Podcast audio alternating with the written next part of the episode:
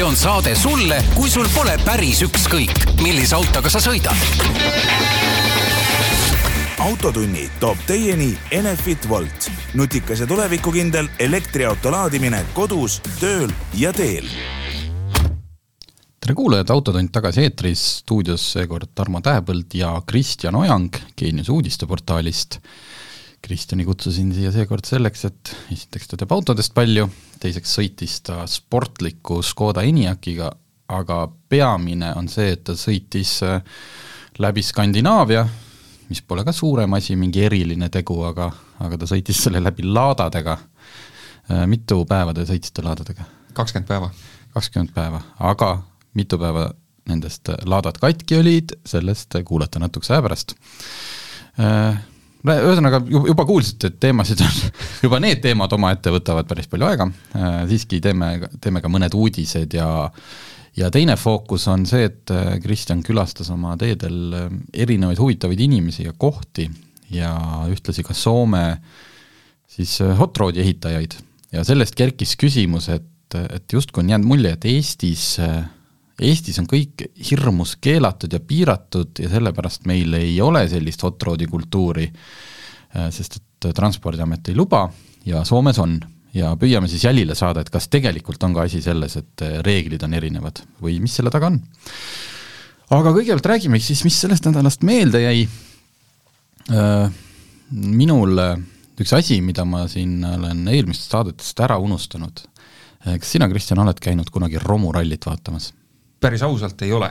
Äh, tean, et mis asi see on, ma arvan, telekast on midagi ka nähtud, aga, aga oma silmaga küll ei ole kunagi näinud. me oleme põhimõtteliselt enam-vähem vist ühe aastakäigu inimesed, keskmisest rohkem autohuvilised, no okei okay,, mina võib-olla noh, ütleme mul see mootorispordi osa on, jätab võib-olla natukene kahjuks liiga leigeks, aga no siiski. et võiks ju olla, et selle aja jooksul, ja see ei ole mingi uus nähtus Eestis, romuralli on ju iidne, iidne lõbustus. üheksakümnendatel ikkagi see tuli ju suure pauguga sõna otseses mõttes. jah no mina siis nüüd esimest korda käisin ja käisin äh, Haukalaadal, kuulsal Haukalaada romurallil. Äh, see küll ei ole kahjuks või õnneks, ma isegi ei oska öelda, see, kus sõidetakse ringi ja siis ma saan aru, et võib rammida ja, ja mhm. Ameerikas on veel see eriti hull, on see number, number kaheksat kujutage ette, lihtsalt suur kaheks, number kaheksa kujuline ringrada, aga see, kus need eh, paunad lõikuvad, et seal ei ole mingit silda ega tunnelit. ega kellelgi eesõigust. ega kellelgi eesõigus, seal on eesõigus see, kellel on suuremad eh, no ütleme noh. perejuveelid. jah, jah ja.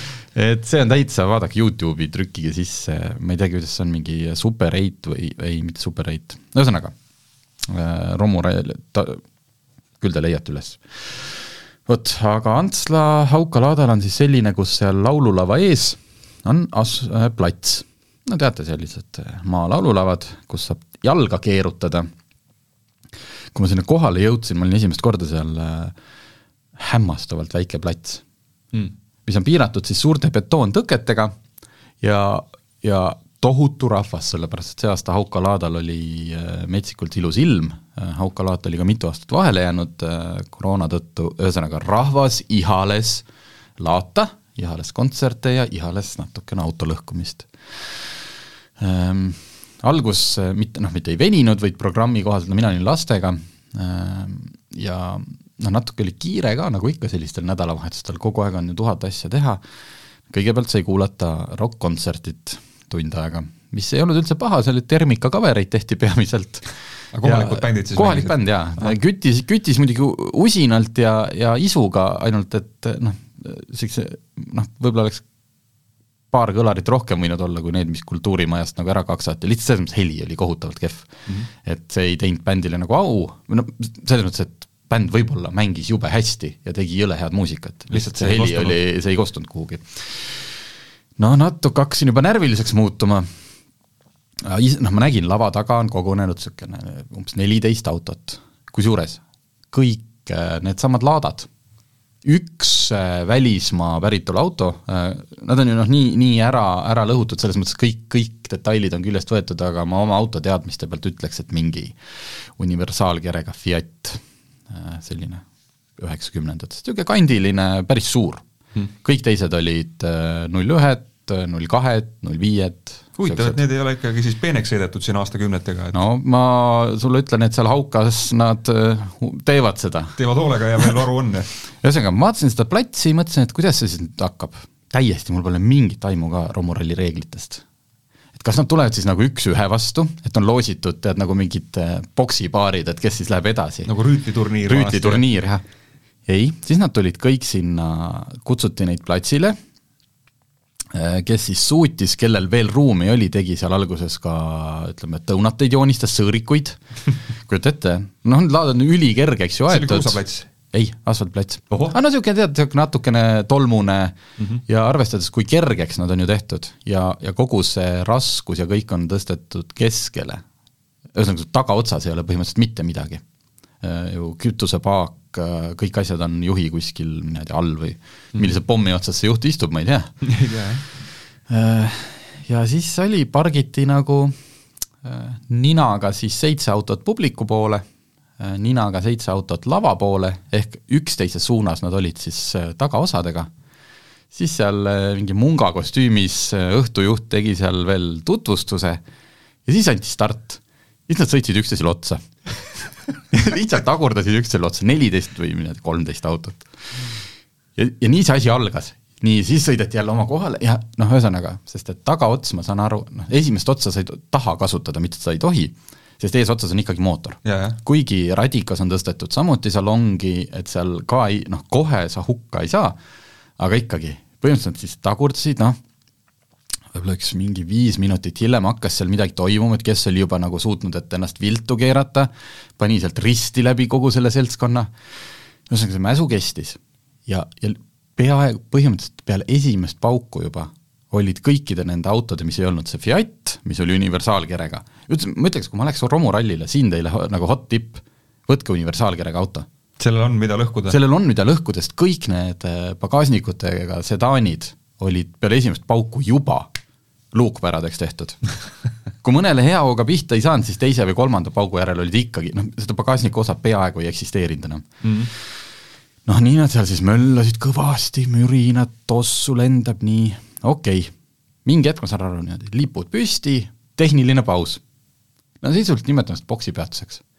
siis hakkas pihta, muss pandi käima, lavale jooksid tehnikute meeskonnad, saad aru, nendel autodel on tehnikud mm. -hmm ja siis hakkas, noh, mul on sellest video, ma panen selle varsti autogeeniuse Youtube'i ülesse, noh, kuvaldadega, relakatega, lihtsalt hakatakse taguma.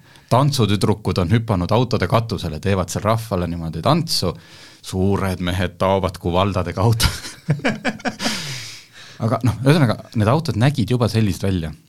et see on suhteliselt lühike, et ma maksin selle eest viisteist eurot, mõtlesin, et tere hommikust, et noh, olgu okei okay,, mu kümneaastane laps sai tasuta, teine pidi maksma, et kolmkümmend eurot, et noh, ma ei tea nüüd niisuguse kahekümneminutilise show, show eest, sest et noh, teist raundi need küll vastu ei pea. midagi sealt taoti, saeti, eks ju, ja läks asi edasi. ja siis see lihtsalt kestis ja kestis.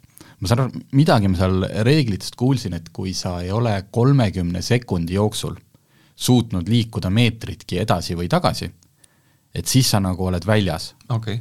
aga ma saan aru, et äkki seal siis anti mingeid punkte, et äh, et sa oled sellest raundist, vaid sa saad mingeid miinuspunkte, aga kui sind suudetakse selle tehnilise pausi ajal nagu ellu äratada, et noh, et pärast jätkad nii-öelda et ei vee-, just, et sind ei veeta nagu sealt platsilt minema, vaid äh, võib-olla siis sa saad mingeid miinuseid ja asju. ja aeg-ajalt seal vaatad jah, mõni seisab tükk aega, siis tuleb noh, me lahkusime peale kolmandat vooru, kui tuli neljas tehniline paus, sest meil oli vaja edasi liikuda, käia kuskil ujumas ja mingid kohtumised. ja selleks ajaks olid noh, tõesti need au-, no need autod olid lihtsalt nii sodid, sest sa ei kujuta ette, kui noh, ja nad sõitsid, ja nad sõitsid ja ma ütlen, see universaalkerega auto, eh, ma, ma ei tea, kes võitis, ma ei ole suutnud neid tulemusi leida netist, ma ei ole suutnud netist leida ka Romu ralli reegleid ma leidsin Romu Ring, mis on üks üritus mm, -hmm. kus sõidetakse nii-öelda ringrada, pikad reeg-, pikk reeglistik, Romu ralli reegleid mina ei, ei tuvastanud, ma arvan, et see Fiat võis olla suhteliselt tegijate seas, sest et ta lihtsalt oli nii palju tugevam, ma ei tea, kas siin võib asi olla, et see Vene ja mingi autotööstuse, sellest me räägime pärast. Vene autotööstusest. Yeah., võib-olla vahe ka selles ja, ja võib-olla ka vahe selles, et äh, kõik ju räägivad, kuidas metall ajapikku väsib, et kui mm -hmm. sul ongi selline kolmkümmend aastat, nelikümmend aastat vana auto versus kakskümmend aastat vana auto, siis äkki see kahekümne aastane auto ongi natukene kõvem mm. -hmm. seal oli paar äh, sellist, kuidas ma ütlen, äh, mis on vormelis siis punane lipp, ehk siis ootamatut ohutuspausi, kui kellelgi radikas selja taga jälle nagu või kuskilt hakkas mingit liigset tossu või auru tulema, siis korraks peatati, vaadati, kas kõik on niimoodi kõik on elus, kõik on, kas võime jätkata, jah, võime jätkata. Äh, ja kummaline selle juures on see, et kui ma oma sealt muudelt käikudelt naasin Antslasse ja laululavalt mööda sõitsin, ma kuulsin sealt automürinat ja see oli mingi kaks tundi hiljem. kes seal sõitis, seal ei olnud niimoodi, et need neliteist autot lõhume ära ja nüüd on parklas meil järgmine sats, neliteist autot, mis siis peale lähevad. Need olid jumala kindlalt needsamad autod. kuidas nad mille pealt või, või siis lõpuks ongi, et nad taotakse nii kuubikuteks ära ja lõpuks sul ongi noh, see mootor ja kõik nagu, et nad liiguvad aina aeglasemalt, neil on aina vähem nagu ma ei tea, mingit ine-, ühesõnaga, müstiline. metsikult palju rahvast, kohutavalt kehv toitlustus, see tähendab, et üks putka, teine putka õlle ja limonaadi jaoks, aga kõvasti, noh et, et äh, ma, ma ei oskagi midagi arvata sellest ma tegelikult tahaks, ma tahaks seda romuringi vaatama minna, sest mm. ma arvan, et seal on rohkem sellist kiirust ja rammi nagu sõiduoskust ja midagi. sõiduoskust jah, see, mis Antsus toimus, see oli ikka kuradi verepulm lihtsalt. aga noh, noh, iseenesest oli ta lõbus, et, et kas ma nüüd sinna uuesti, uuesti läheks, et ma tahaks, võib-olla siis läheks niimoodi, läheks poole pealt, et tahaks näha, kuidas see lõpeb mm.. aga sa lõpuni ei jaksanud ma ei jaksa, ma ütlen, ma pidin ära käima, siis ma pärast sõitsin sealt laululavalt mööda ja siis ma kuulsin, et seal veel möll käib, et mine tea mm., võib-olla siis tulid kuskilt äh, Tartust uued mehed uute autodega, aga aga jah, et nii need autod äh, vaikselt vist siis otsa saavad, sest et noh, seda varianti, et äh, ma arvan, et autodest järgmisele etapile jõuabki, ma ei tea, mootor, kui sedagi. sest et noh, need kered, need on vaata, nagu tehakse, sa oled filmides näinud, kuidas seal vana metallikoohtadest autodest. tavaliselt on, jah, tavaliselt on seal mingi mafioosnik või keegi on sees või tähendab koputaja, isegi mitte mafioosnik, vaid koputaja on seal autos, eks ju. et need autod lihtsalt taoti seal Antslas juba kuubikuks ära. Eeltöö, korralik eeltöö tehti ära juba.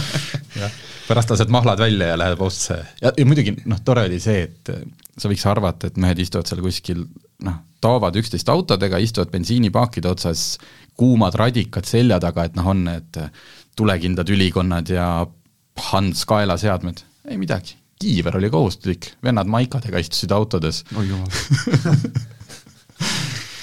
Kõlab väga rajult. Väga kihvt kogemus oli. Mm., äh, panen selle video varsti siis üles, siis näete. okei okay,, mina olen siin juba kolmteist minutit rääkinud, äh, laseme nüüd Kristjanil rääkida, kes äh, tegi ühe pikema otsa Škoda Enyaq'iga, mis ei ole uus auto, aga Äh, Eestisse nüüd jõudis lõpuks ja meie kätte ENIAC-i see kupee versioon, äh, ma tean, te kõik noh, natuke karjute raadio taga, et jah, ta ei ole kupee, tal on neli ust, aga me oleme juba sellega harjunud, et see on lihtsalt see, kus on pagasniku osa löödud sellesama romuralli käigus natukene niimoodi lömmi. Muuseas, üks asi, ma, seda reeglit seletati ja siis keegi hakkas omale jälle mingit õunat, sõõrikut seal tegema, ma ei kuulnud, et en-, kui need autod läksid nagu stardivalmis siis tulid mitme auto juurde ka need tehnikud ja panid juba tagatiiva nii-öelda sinna pagasiluugi kõrvale, tiiva peale paar pauku kuvaldaga. ja ma eeldan, see on vist selleks, et kui esimene kokkupõrge toimub, et siis kohe deformeeruks nagu õiges suunas õiges suunas, jah.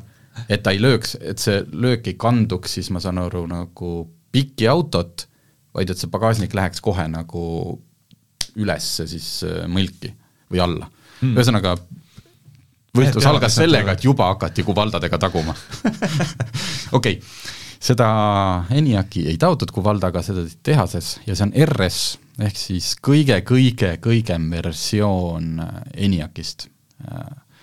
sina meil äh, oled nagu elektriauto spets, ehk siis vist sõitnud siiani nagu meie töö raames vist ühe või kahega või? Äh, jah, enam-vähem, no tegelikult natuke rohkem, aga, aga, aga küll nüüd ennast spetsialistiks ei julge nimetada, et aga kuidas siis oli? Räägi siis, ENIAC äh, sõidab hästi, sõidab hästi, näeb välja väga hea, eile oli kohe kogemus, kui sõitsime Viljandimaale intervjuud tegema, siis inimene, kellega kokku saime, tükk aega vaatas autot, et mis, mis auto see on. ja siis, kui nägi ratta peal Škoda embleemi, siis nagu oli üllatus suur, et mis asja, see on Škoda. et ses mõttes oli, see oli nagu niisugune esimene kompliment sellele autole, et, et ta näeb, ta näeb hea välja. ja, ja ega ta ka selles mõttes ka sõidu ajal ei oska nagu midagi nagu rohkemat tahta, kui, kui lihtsalt sõita mööda maanteed või, või lihtsalt kuhugi kohale jõuda, mõnus, vaikne, mugav sportistmed on küll sees, aga need sportistmed ei ole kuidagipidi sellised, nagu on ütleme, rajumates äh, kuumpärades või, või kusagil seal, et, et mis nii-öelda võtavad sul külgedest kinni ja hoiavad sind seal noh, ma ei tea, võrdle, võrdleme näiteks siin mingisuguse Subaru STi või, või mm, -hmm. või Civic Type R-iga, et noh, hoopis, hoopis teine maailm. uuel, uuel M5, M3 sellel competition'il või mingil eri, ei CS-il vist, CS-il, M5 CS-il on see sportiste, kus on sul ka siin jalgade vahel on selline suur nagu äh, ütleme, ma ei tea, kuidas siis nimetada, munade kaitse või jah, et nagu noh, ikka tõeliselt istuks nagu, nagu vot. ei, aga RS-is võisid rahulikult jalg üle põlve sõita, et selles mõttes seal, seal oli seda ruumi oli nagu mõnusalt. Ja noh, mingisugused äh, nüansid olid seal, et, et ikkagi äh, meil on olnud varasemates autolehe testides äh, Volkswagen Grupi autodel erinevatel see häda, et, et äh, ütleme, maanteel Äh, nende moodsate kiirushoidikutega sõites kipuvad autod nagu segast peksma, et nad ei saa ikkagi aru, et äh, kui kiiresti siin või seal sõita võib või, või, või mis asjad on. et noh, natuke sama, sama kurioosum oli nüüd selle uue Enyaq Coupe RS-iga samamoodi, õnneks tal oli küll minu arust täiesti tavaline kiirushoidik peal, mis on natuke üllatav, sest et äh, nipa-napa oleks ühele bussile tagant otsa vajutanud, sest ma arvasin, et see on adaptiivne. okei okay. ja, ja aga selles mõttes, et vaadates, mis märke ta mulle kogu aeg ekraanile kuvas, siis Tallinna-Tartu maanteel, kus oli saja kümne ja saja kahekümne ala, Škoda arvates kiirus varieerus eh, kaheksakümne ja saja kahekümne vahel pidevalt. et ta iga... luges eh, neid liiklusmärke? jumal teab, kuskohast ta neid luges, kusagil nägi kogu aeg suure maantee peal kaheksakümne märke ja ja kus oli teeremont, seal nägi kahekümne märki isegi, et, et noh, et selliseid märke, mida Eestis ei eksisteerigi, tema, tema kusagilt nägi. aga noh, see oli selles mõttes lihtsalt nii-öelda infoks juhile, et õnneks see sõitu ses mõttes ei seganud, et, et, et omas tempos said nagu edasi lasta ja, ja teine asi, mis üllatas, oli see, et, et kui ikkagi mugavasse seadistusse see auto on nagu pandud, isegi sportrežiimis, kui ma arvasin, et, et sportrežiimis nüüd läheb vedrustus ikkagi jäigaks ja, ja ongi selline, selline sportauto, ikkagi RS, siis no läks võib-olla grammikene jäigemaks kui selles normaalasendis või, või, või komfortrežiimis sõites, et, et selline pigem selline õõtsutav, kurvides mitte ei vaju, aga, aga, aga lihtsalt selline pikki suunas õõtsuv niimoodi, et, et mugav auto. kiiresti saab sõita ka mingit, mingil määral, aga, aga, aga kui tahta nüüd päriselt sportlikku autot, siis, siis võib-olla võiks veel ringi vaadata, mis siin põnevat on räägime ikkagi sellest elektri osast ka, et kui seda said ilmselt täisakuga mm.. noh, selle no, kaheksakümmend kaks protsenti oli. okei okay,, et selle ma eile just käisin äh, mingil põhjusel lehe, kodulehel ja näitas, et äh, kuni viissada kakskümmend kolm on sõiduulatus, mis tähendab, noh, kui kasutatakse kuni, siis tõenäoliselt äh, kiputakse seal näitama seda tihti ka mitte seda VLTP keskmist, vaid seda, mis ta nagu maksimaalselt linnas, noh ütleme ideaaloludes. mis ta sulle kaheksakümne kahe protsendi pealt lubas? lubas kusagil kolmsada kaheksakümmend kilti.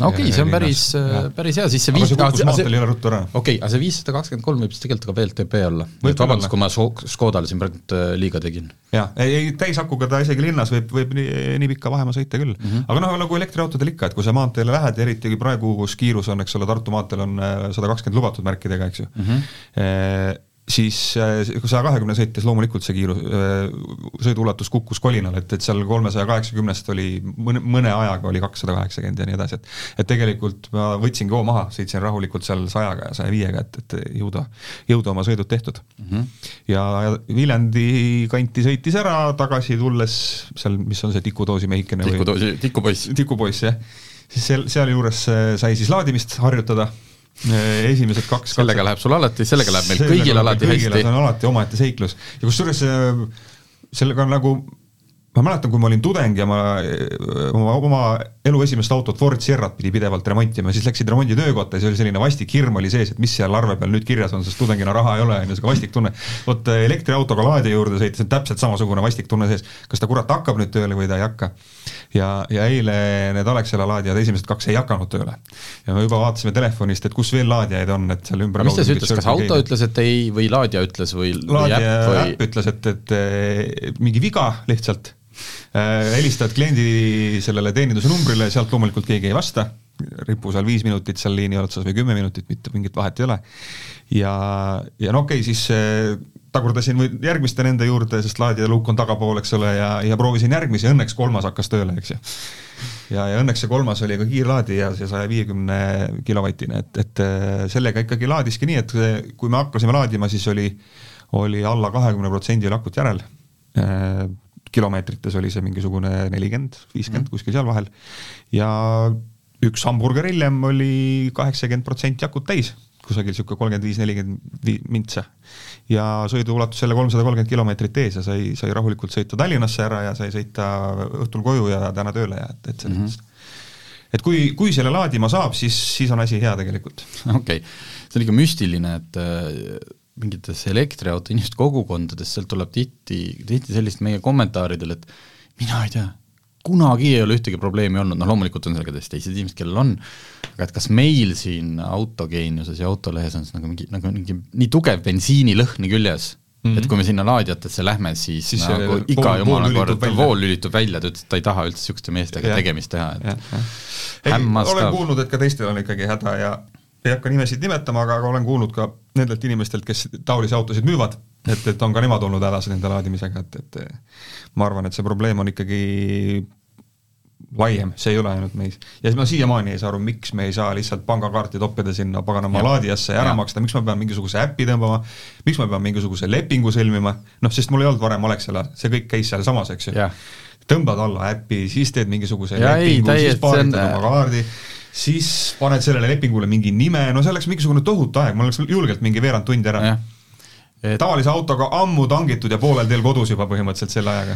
jaa, see on teine asi, see ikkagi ja kui me oleme seda küsinud, siis öeldakse, et see on ikkagi nii suur investeering, et ma ei tea, kui kiirlaadijale siin on mulle öeldud, et, et kui sa tahad ehitada seda sada viitkümmet kilovatti või isegi võimsamat, et siis ainuüksi see ampri ostmine on mingi kuuskümmend pluss tuhat eurot, et saada see sobiv amperaaž sinna et noh, selle kõrval siis panna selle automaadile see terminal külge, no, no poisid, nagu poisid, mina ei usu nüüd, ma arvan, et siin on ikka mingi, et saada sind oma selle oma lõa otsa, et noh, et sa käiksid ainult minu laadijates, sest sul on minu äpp juba olemas ja kõik on nagu ma ei tea, andke kliendikaart, ma käin väga hästi bensiinijaamas ka selle, seal, kus mul kliendikaart on ja, ja olen ka väga truu mingitele bensiinijaamadele. okei okay., ENIAC-i teema lõpetuseks, kas sa tahaistmele oled jõudnud ka vaadata, selles mõttes, kas see kaldu löödud katus võtab, noh, pagasiruumist ta võtab, aga kas ta pearuumiga võtab ära? tuntavalt küll ei võtnud, et äh, mina istusin nii-öelda iseenda järgi paigutatud juhiistme taha ja, ja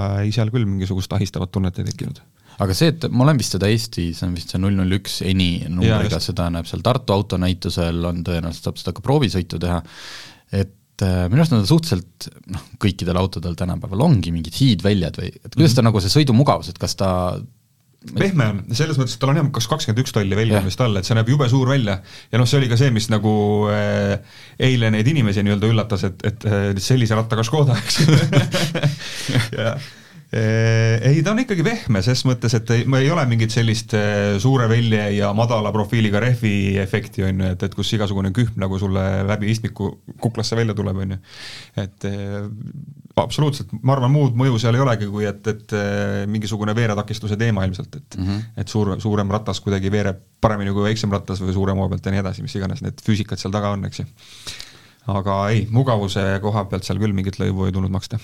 no vot, selge ühtlasi äh, kas-, äh, tuletakski siin inimestele meelde, sest ma ei tea, kuna mul tuleb üks välisreis ette, et kas me järgmine nädal täpselt jõuame saadet teha, aga et ma ei unustaks lihtsalt ära, et mis see siis on, üheksas, kümnes, üheteistkümnes september on Tartus ju taas motorshow, jätkuvalt Eesti suurim auto- ja tehnikanäitus. Et jätkuvalt ei ole seda suudetud Tallinnas teha, siin ma tean, iga kevad noh, natukene üritatakse, on mingi selline kobarmess oli see aasta, et noh, kus nipad näpet, aga äkki viis autot oli seal või korralikku sellist suurt ja, ja, ja noh, kes mäletab, siis põhimõtteliselt Tartu motoshow suutis läbi närida ennast ka koroonast, ehk siis täpselt teha nendel aegadel, kui olid väiksemad piirangud, nii et, nii et põhimõtteliselt nonstop. ja see aasta on seal äh, olen teinud siin juba väikse eelvaliku, päris palju uudiseid on seal. Äh,, uudismudeleid äh,, siis äh, on, ühesõnaga autofirmade nimekiri äh, tihti paljud jätavad vahele, aga seekord oli päris äh,, päris suur, et äh, just inimesele, kes tahab nagu päriselt, plaanib autot osta, et, et sa saad nagu ikkagi, sa ei pea käima nagu läbi kõiki autopoode kas istun sellesse, seal on kohe, et ma olengi mingi kolme auto vahel tahan valida. ma olen sealsamas messis, ma istun sellesse niimoodi, kuidas mul on, istun kohe järgmisesse, mul noh, kohe on kõik see, pluss muidugi see proovisõiduala, kus on üle viiekümne auto mm., et sa saad ka päriselt sõitma minna. see on küll äge. muidugi lühike sutsakas, et sellega noh, ilmselt suurt, aga täpselt sama, et kuidas need nupud, kõik, kõik äh, ligi sada ilmselt sellist tuuning- ja hobiautot noh, need äh, seal Facebookis vaikselt registreerumine käib, et seda on raske öelda, et palju neid siis lõpuks kokku tuleb, mis ilm on, kõik, kõik, aga siis äh, Eesti Autospordi Liit on kohal Dakari teemalise valikuga ja Dakari ralli ja siis äh, kuna igal näitusel on püütud mingit, mingit fookust hoida, teha veel üks lisa nii-öelda sektor, on olnud Itaalia autod, on olnud Jaapani autod, siis seekord on rõhk Inglise autodel oo, siis peaks minema isegi. just, just, ma kohe sellepärast selle välja tõin, et erinevate ajastute muidugi Land Roverid, Jaguarid nagunii, aga on mainitud siin mulle saadetud infos ka Rolls-Royce'i mm., loomulikult Bentley't, Reliant, Jensen, ma loodan, et Reliant Robin, sest ma olen näinud see kolmerattaline, mis Mr Bean'i filmis kogu aeg ümber kukub, et äh, ma olen minu arust mingitel autopiltidel näinud, et Eestis peaks üks Reliant Robin olema. Mm ühesõnaga, ja palju-palju muud. loomulikult mototehnika, matkaautod, kes on Tartus käinud, teab, ja, ja kindlasti mitte ei tule selle aasta näitus väiksem. et äh, ikkagi sellisele tehnikasõbrale suhteliselt kohust-, mitte kohustuslik, aga et äh, soojalt soovitatav? jah, ja, ja, ja praktiline ka just, et sa, kõik sa, kõik autod on koos. nii, aga lähme siis selle, issand, me oleme nii palju rääkinud, kuidas me, kas me sellest reisist äh, räägime reisist pigem põgusalt, sest ma saan aru, et sellest tuleb saade. jaa, sellest tuleb saatesari, äh, Žiguliga maailma tippu on selle saatesarja nimi. ja, ja maailma tipp ei tähenda siis kuidagi seda, et me ennast maailma parimaks peame, vaid vaid lihtsalt äh, üks sihtkohtadest, kus me Skandinaavias käisime, on Nordkap ja, ja Nordkap on siis kõige põhjapoolsem punkt Euroopas, kuhu autoga ligi pääseb ja noh, kui sa võtad nii-öelda vanakooli kaardi ette, siis kõige põhjapoolsem punkt ongi tipus, eks ole, kaardi tipus mm -hmm. ja sealt see, sealt see nimi tuleb.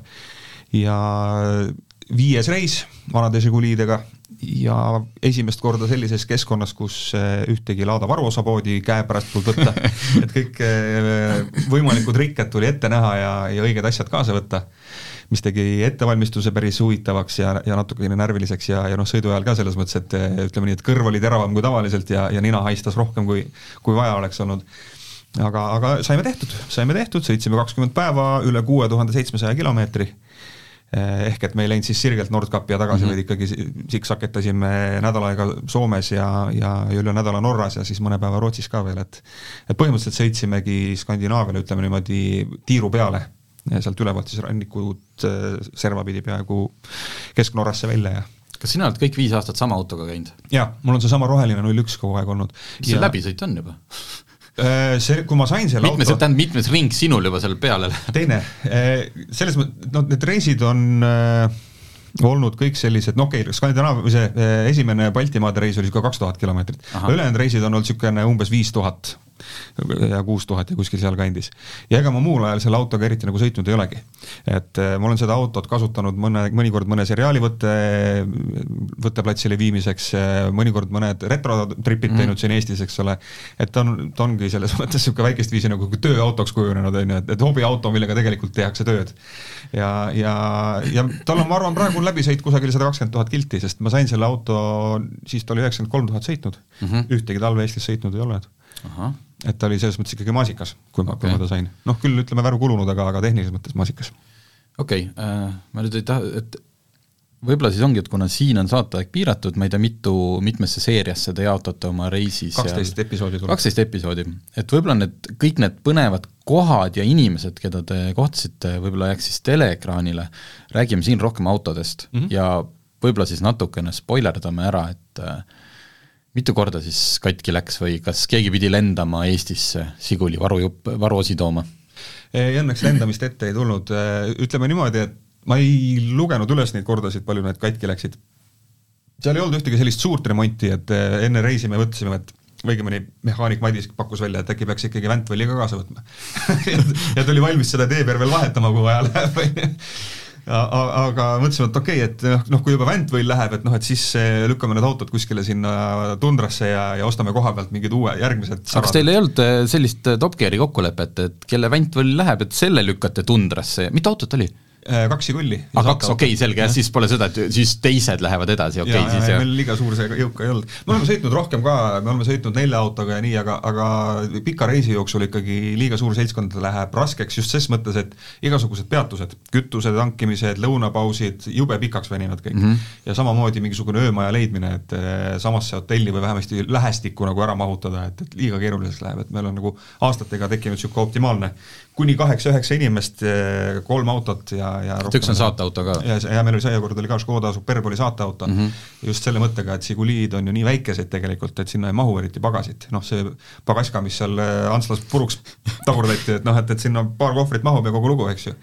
et siis ikkagi oli vaja ühte sellist mahukamat, kus olid meil siis nii re reisiasjad põhiliselt peal ja kuna vot seal ongi jälle oma nüanss, et kuna Žiguli pagasnikus äh, on alati räme bensuhais, siis sinna riideid ei taha panna, et sinna siis sai panna varuosi korralikult Mm -hmm. Nendega ei juhtu midagi haisu sees. aga ei, ikka selles mõttes, et eh, mehaanik sai ikka käe tõliseks. aga mis siis on, kas, kas äh, mootori asjad, veermiku, mis, mida sealt põhimõtteliselt on mingisugused, meil olid seekord ikkagi ütleme auto vanusest tingitud mingisugused asjad, et vahepeal mingisugused lülitid läksid katki, on ju, lihtsalt kulusid ära mm, -hmm. noh minu auto on ju nelikümmend üheksa aastat vana juba, no nüüd neljakümne üheksa aastaga, siis lõpuks see lüliti ku- kulus ära, on ju.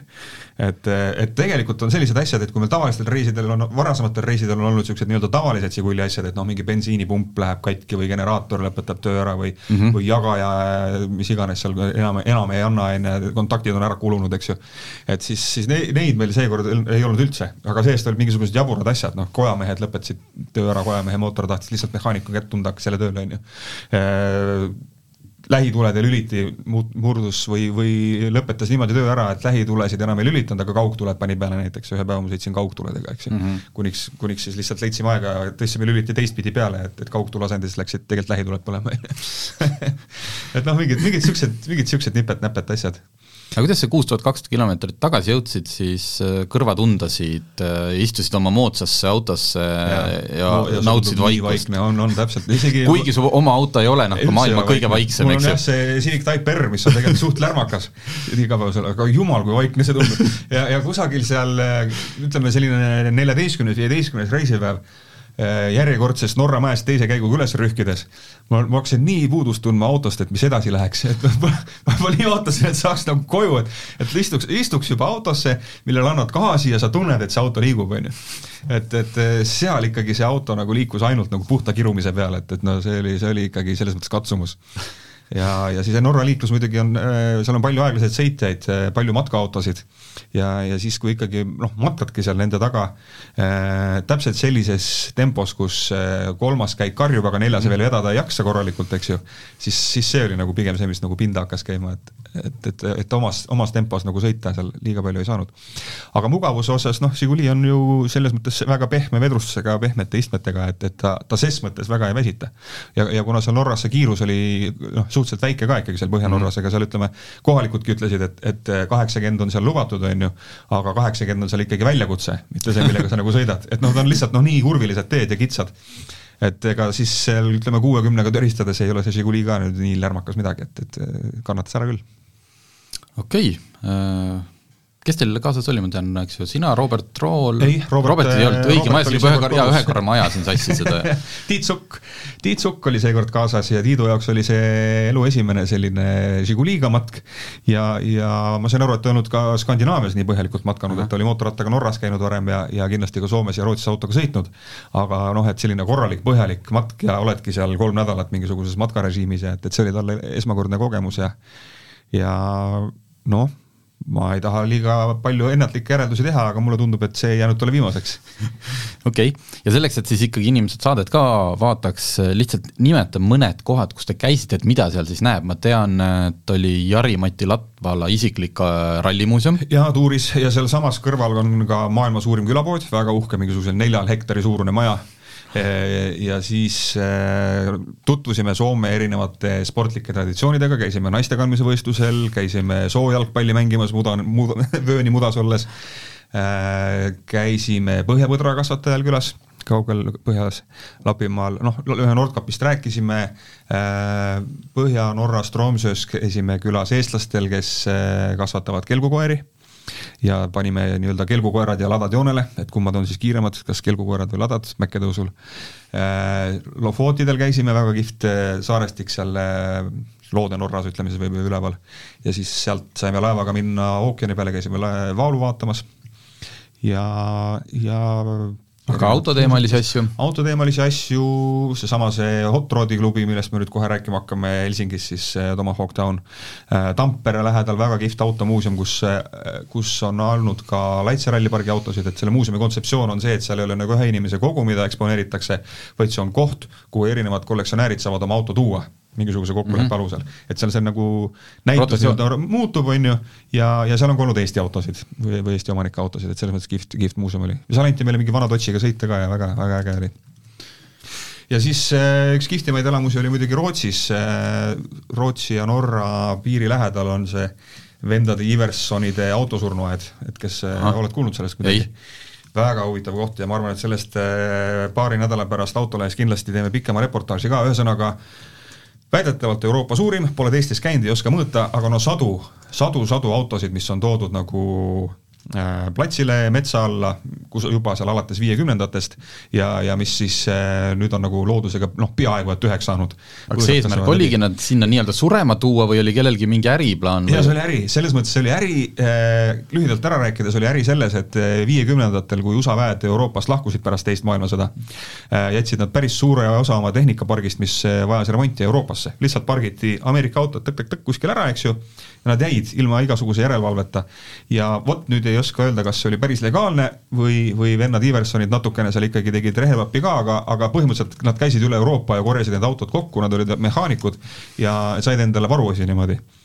ja, ja suur turg eh, nende jaoks tollal oli Norra, Norras oli sellel ajal seadus, mis eh, keelas autosid eh, importida mingisugune väike autotööstus oli Norras olemas viiekümnendatel, aga seadus ei keelanud autode varuosi importida.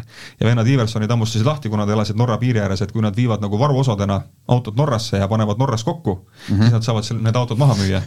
ja, ja, ja sellest teeni-, tekkis neil nagu äri et okay. nad olidki seal oma koduplatsil, seal oli sadu autosid, seal võeti siis noh, seal ei pidanud nagu päris ütleme pulbriks selle auto ähvatama, et võtsid, ma ei tea, mootori maha, mingid sillad ka võib-olla ära, on ju, kere viisid eraldi, sillad viisid eraldi, mootorid viisid eraldi ja müüsid need nii-öelda varuosadena maha norrakale, aga tõstsid sealsamas kokku ka, sest seadus seda ei keelanud.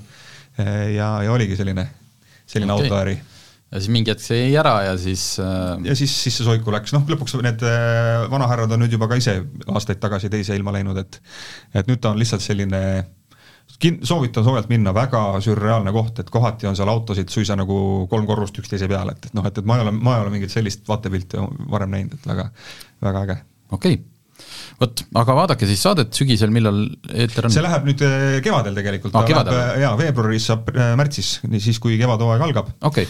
et meil on tunnised saated, saame rahulikult monteerida, tulevad, tulevad head, head okay. asjad.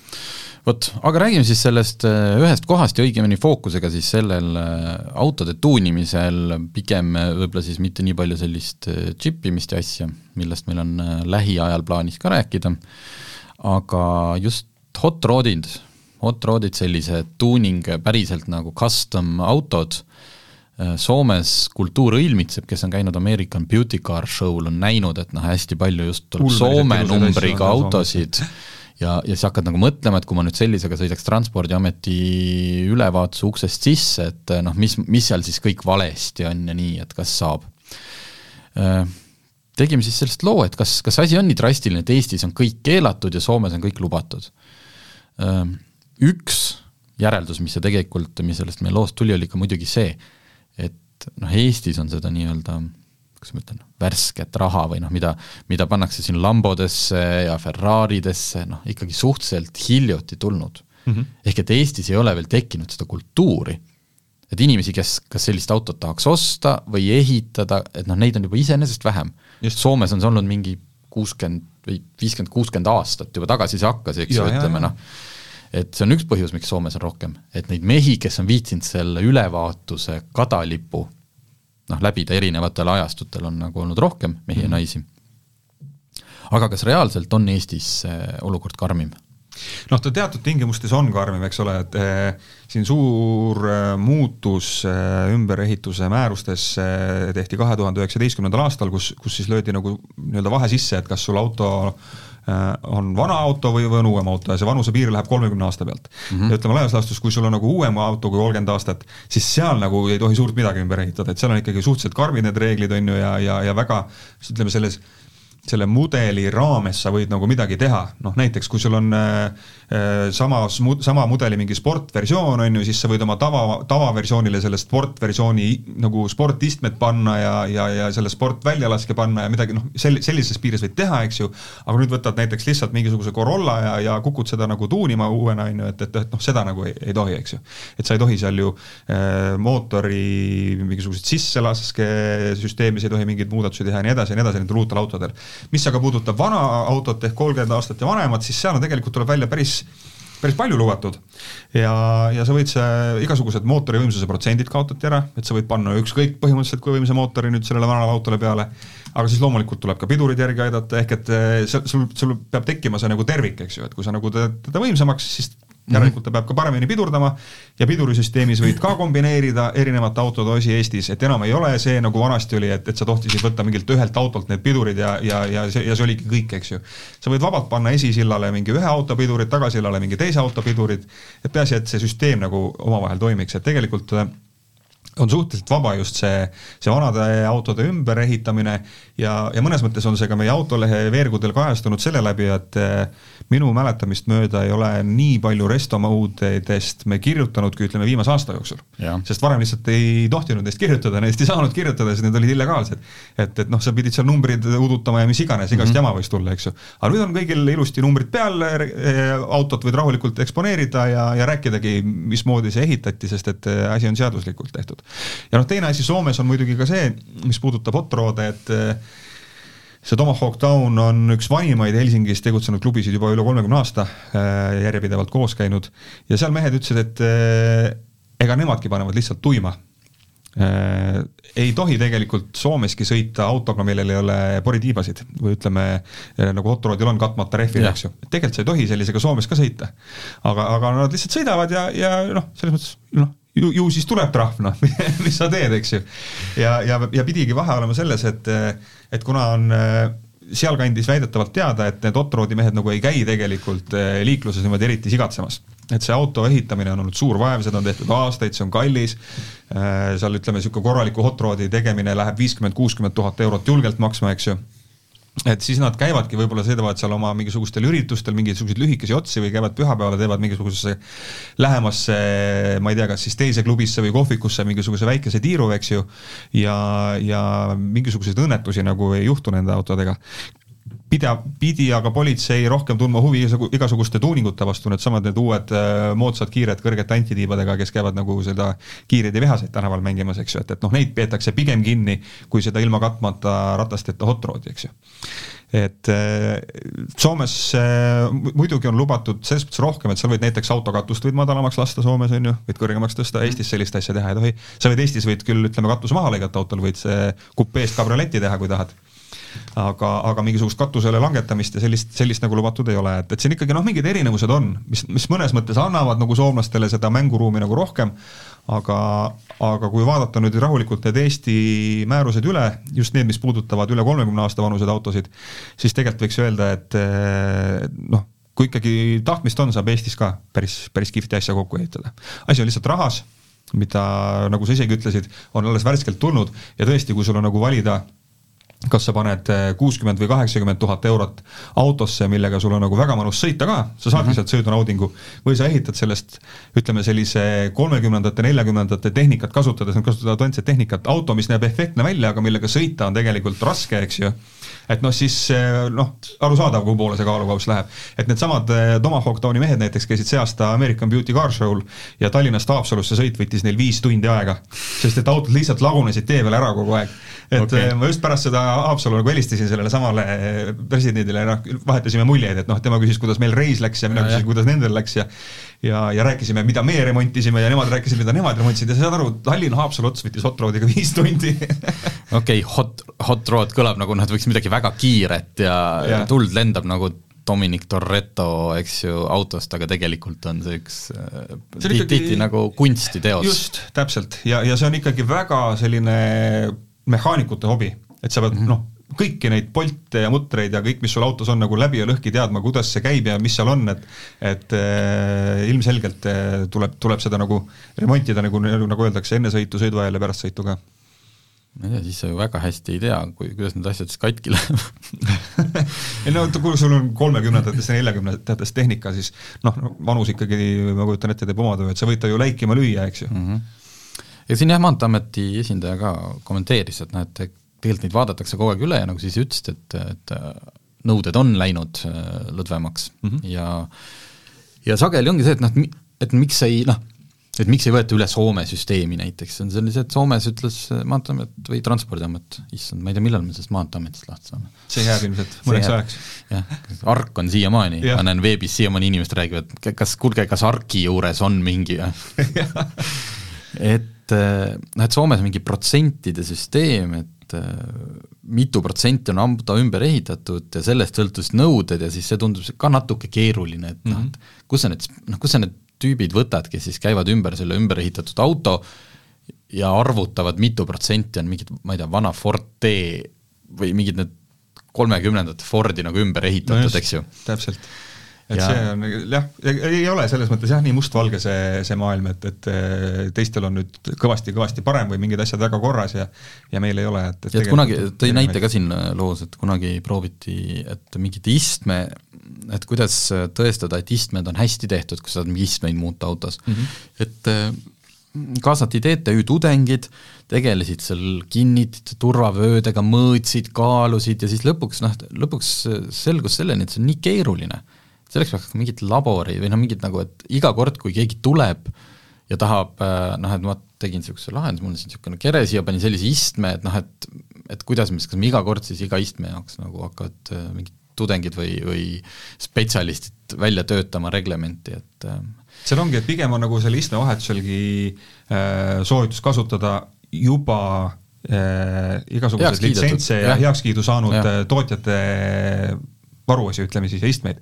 sest kui sa ise teed omal selle konstruktsiooni seal, paned sinna ise mingisuguse istmekinnituse, paned ise mingi turvavöö kinnituse, siis see nõue on see, et, et see peab vastu pidama kolme tonni selle tõmbejõule yeah.. ja, ja no kuidas sa katsetad seda, et noh, tõmba mustrit nüüd kolme tonniga et noh, see väga keeruliseks läheb. paned üles ja riputad selle oma töökoja lakke ja siis paned sinna kolmetonnise asja külge rippuma või ja,? jah, jah, jah, noh lihtsam et, on äh, osta Recaro iste ja, ja panna see. no siin on natuke, et äh, eks seda saab paremaks. Ja ma loodan, et Transpordiamet kogu aeg sellega tegeleb ja nad tegelevadki, on äh, isegi võib-olla ma ei räägi hot rod'i ehitusest, ma lihtsalt tean ühte, ühte autot, mis toodi Eestisse, see on täiesti noh, seeria tootmises auto, küll väike seeria, ja oli vaja saada et sellele oli Jaapanis, oli peale pandud just nimelt vist oligi Recaro rool ja ja põhimõtteliselt äh, ta noh, inimesel oli tükk aega see noh, auto pidi olema Läti registris, et sellega üldse saaks sõita, sest et äh, öeldi, et see rool ei ole õige, et see on sportrool mm. -hmm. ja sisuliselt oli tegemist peaaegu identse rooliga, mis sellel autol originaalis oli, lihtsalt mhm. keskel on teistsugune embleem. noh, põhimõtteliselt ta ütles, et kui ta oleks lihtsalt läinud, pannud tuima, löönud selle Recaro embleemi sealt keskelt ära, liiminud äh, margi embleemi asemele, võib-olla poleks nagu noh, märgatudki midagi. märgatudki midagi. Aga nii kui oli ahah, Recaro, ahah, sportrool, nii selge, sorry, see pole originaal, sellel autol originaalis sellist rooli ei olnud, sa ei või selle, sa ei saa seda arvele see oli siis noorem kui kolmkümmend aastat vana auto või?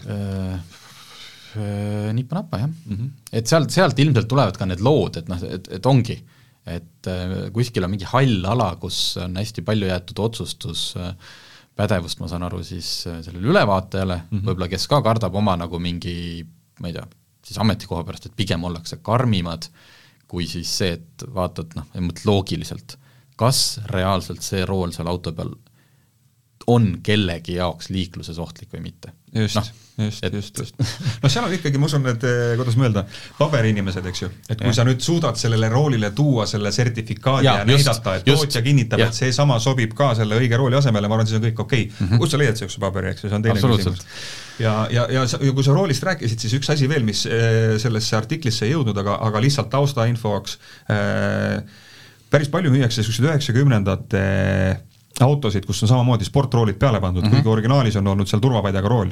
lihtsalt hoiatuseks inimestele, et ärge ostke seda autot nii, et originaalrooli kaasa ei saa, sest äh, sellega tuleb jama. ülevaatusest ei saa läbi. jah, et kui see, see on, see on selline ümberehitus, mida tegelikult ei tohi teha, sa ei tohi turvapatju ära kaotada autol. ta võib efektne välja näha, Mm -hmm. väga palju olen isegi näinud seal ütleme üheksakümnendate Jaguarid puust rooliga ja kõik ja tõesti näeb efektne välja, pole midagi öelda, aga illegaalne, eks ju, et eh, oma, oma riskiga võid nagu sõita, aga, aga kui sellist nagu ostma minnakse, siis, siis teadke seda, et eh, kuni järgmise ülevaatuseni on lõbus ja, ja siis läheb jamaks. vot, sai pikalt räägitud, minge lugege äh, autoleht Autogeeniust, seal on täpsemalt äh, veel kaks äh, kiiret asja, et ma mingit pikka uudiste segmenti ei hakkaks siia tegema üks on see, et äh, kui ma rääkisin Tartu Motor Show'st, siis enne seda veel on kaheksandal septembril Jüris toimub traditsiooniline elektriautode teemapäev. Äh, põhimõtteliselt äh, sama tüüp, et kui sa oled juba oma otsuse piiritlenud, et sinu järgmine auto on elektriauto, tahad nendega tutvuda, siis enamik, vähemalt eelmise aasta põhjal, enamik Eestis müüdavaid uusi elektriautosid olid seal kohal täpselt seesama, saab nendega sõita, mõn-, mõni on ainult kohapeal vaatamiseks, aga saad igal juhul noh, põhimõtteliselt kahe tunniga läbi istuda kõik need autod, äh, küsida ära kõik küsimused, mis sul on ja siis selle pealt teha otsus. kaheksas september Jüris äh,, Tallinna lähedal, et otsige üles, jällegi Facebookis on olemas, elektriautode teemapäev on selle asja nimi.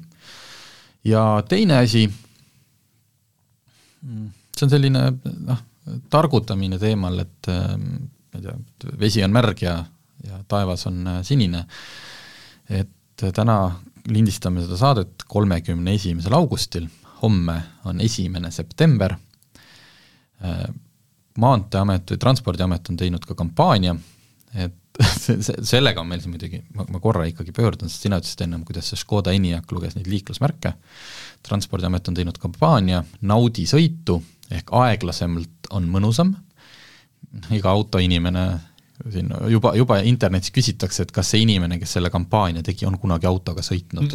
Minul tekkis sama küsimus. Okei okay,, see selleks, aga et äh, tegelikult noh, idee on hea, et äh, selle reklaami visuaal on selline mm, liiklusmärk natukene niimoodi vii-, noh niimoodi ujuvaks tehtud, et ta ei oleks liiklusmärgi moodi, ta läheb plakati peale ja seal on märk nelikümmend üheksa ehk et noh, linnakiirusel, et kui sul on võimalik sõita kas noh, viiekümne viiega, et siis pigem vali see nelikümmend üheksa, et alati ohutum. kooli alguse puhul täiesti nõus. kui on kolmekümne märk, pigem sõida, eks ju, kahekümne viiega, et sa tegelikult noh, sa linnas sa ei tekita sellega kolonni nagu maanteel, et maanteel me ei soovitaks, et mis sa selle üheksakümnega sõidad, et kaheksakümne seitsmega on mõnusam. see on nagu äh, kuritegelik, linnas okei okay lihtsalt äh, me tegime katse ja vähemalt Vaagrupi või siis Volkswageni auto äh, luges seda posti, seda reklaamimärki. ja, ja arvas, luges et... ja arvas, ta ei lugenud küll neljakümmet üheksat, ta luges, et seal on nelikümmend viis. ja kujuta nüüd ette, et sul on auto, mis äh, äh, sätib ka, on ju püsikiirushoidjad, mis sätivad selle, selle järgi seda mm, -hmm. äh, liiklusmärkide järgi ja kui sa sõidad, need reklaamid on ka seitsmekümne alas rahulikult liiklusvool läheb seitsmekümnega ja sinu auto näeb, oo, nelikümmend viis, ja pidur põhja. Eh, noh, see ei ole maailma kõige suurem probleem, sest neid autosid ei ole palju, igagi vähegi mõistuslik inimene ei kasuta seda liiklusmärkide järgi püsikiirushoidjat just samadel põhjustel, nagu sa ütlesid, sest see süsteem ei ole veel valmis, see ei, ei tööta. hoolimata, kas Transpordiamet on mingid imelikud reklaamid üles pannud või mitte, need autod, noh seesamas, et kui sa ikkagi Tallinn-Tartu saja kahekümne alal sealsamas liiklusvoos otsustab sinu auto, et ta hakkab kaheksakümne peale, müraki. ja seal võib asi olla selles, et sealt alt näiteks läheb läbi mingi väike tee, kus ja. on kaheksakümmend või mis iganes. aga ühesõnaga, need märgid loevad. no fine, ma ütlen, et see ei puuduta väga paljusid inimesi. lihtsalt paar aastat tagasi äh, tegi Transpordiamet ise äh, noomituse või äh, kaarautale, kes kasutas oma reklaamides miinus kolmkümmend protsenti, natuke sellist sama Äh, visuaal nagu on äh, ütleme, ajutine kolmekümne liiklusmärk, see kollase mhm. põhjaga. võib-olla nad isegi ei teinud taotluslikult, et see oleks liiklusmärk, aga samamoodi autod hakkasid seda ära tundma kolmekümne märgina. ja siis tehti, siis tehti ka raudteele selline, et, et ei, nii ei ole, tegelikult ei tohi teha, et see ei ole, et sa ei tohi liiklusmärki kujutada kerime kaks aastat edasi ja, ja Transpordiamet ja küsisime ka ja nad ei näe nagu oma teos, et nad on küll palunud mitte panna neid neljakümne üheksa märke kohtadesse, kus on kolmekümne ala, aga reklaami, noh, see on kahekümnes linnas pidi olema mm -hmm. see väljas ja, ja reklaamifirmad ei ole igalt poolt aru saanud, sest me oleme juba näinud pilte, kus on nagu ilus kolmekümne märk ja paarkümmend meetrit eemal plakati peal neljakümne üheksa märk, et äh, aga äh, see tuli lihtsalt siia vahele, lihtsalt äh, algab kool, olge jumala maru ettevaatlikud ja ma rõhutan seda iga aasta ja erinevate lugudega, lapse see on täiesti psühholoogilisest, see on üks lugu ka ma saan aru, et lapse mõistus töötab teistmoodi. ja ma ei taha lapse halvustada, aga nemad ei oska liiklust vaadata. et nagu, et sa ei saa süüdistada last, kui ta jookseb sulle mingis olukorras teele. sellepärast, et ta on noh, isegi kui see on ülekäigurada või seal ei ole, et ta, ta ei oska hinnata auto kiirust. Seal pidi olema äh, lapse silmaehituses või mingi asi pidi olema, et ta ei oska hinnata läheneva auto kiirust. ehk et et jumala eest, kui te näete lapsi ja nad on tagasi linnas, nad on äh, tagasi koolis, nad on ülemeelikud, nad tõugivad üksteist, te olete näinud äh, umbes kolmest või viiest kampa poisse, kas nad kõnnivad niimoodi ilusti üksteise järel või kõrvuti ja ajavad vaikselt nagu juttu? Ei ole, nad tõugivad üksteist, nad kogu aeg, kogu aeg midagi toimub, keegi eriti veel, kui pikk suvi on vahel ja üksteist pole paar kuud näinud, eks ju. esiteks see ja teiseks äh, no see jääb siin praegu Tallinna keskseks ja isegi Põhja-Tallinna, kõik inimesed, kes te plaanite nüüd oma lapsi hakata tooma Kalamaja piirkonda, äh, Pelgulinn, kõik see, suvel muudeti siin totaalselt liikluskorraldust. kes ei ole siia kunagi sattunud, tehke see endale tuttavaks. algas Vana Kalamaja ehit-, tänavaehitus, ühesõnaga, äh, tehtud on ju need rattarajad, äh, ridasid on vähem, liiklussuunad on muudetud, Kalamajas jumala kindlalt läheb liiklus katki. Läheb esimeseks paariks nädalaks, ma usun, on seal täielik möll, nii et kui noh, ma saan aru, esimese ja teise klassi, ütleme, juntsudel, noh, see, me elame ikkagi pigem heaoluühiskonnas, et see ei ole niimoodi, et sa viskad ta kuskil bussile või kuskilt niimoodi, et noh, hakka astuma, noh. tal käed värisevad, ta läheb esimest korda kooli. uued inimesed, uued, noh, kõik, kõik et jätame siis need tänavad ja need kooli viimised, isegi kui nad viiakse sinna kooli autoga, ma ei tea, viiesaja meetri kauguselt. no las nad viiakse siis. vanem peab edasi sõitma näiteks äh, kuskile, ma ei tea, Mustamäe poole. aga et kui vähegi võimalik, siis äh, õpetage oma lapsed nüüd vähemalt Kalamajas jalgsi käima, sellepärast et te lihtsalt ei mahu siia. see ei ole mingi selline ratta- või jalakäimishullu selline ränd, et jätke oma autod äh, kõik nüüd maha ja see on lihtsalt see, et te ei mahu siia ja siis te istute, siis te olete vihased, te jääte hiljaks igale poole ja, ja lihtsalt nii ongi. see on niisugune sõbralik üleskutse. ja, ja võib-olla siis läheb meil kõigil paremini, vot. jaa, rahulikku meelt kõigile esimesel septembril ja, ja suur tänu, et tulid ja kuuleme siis äh, millalgi jälle. puhas rõõm! autotunni toob teieni Enefit Volt, nutikas ja tulevikukindel elektriauto laadimine kodus, tööl ja teel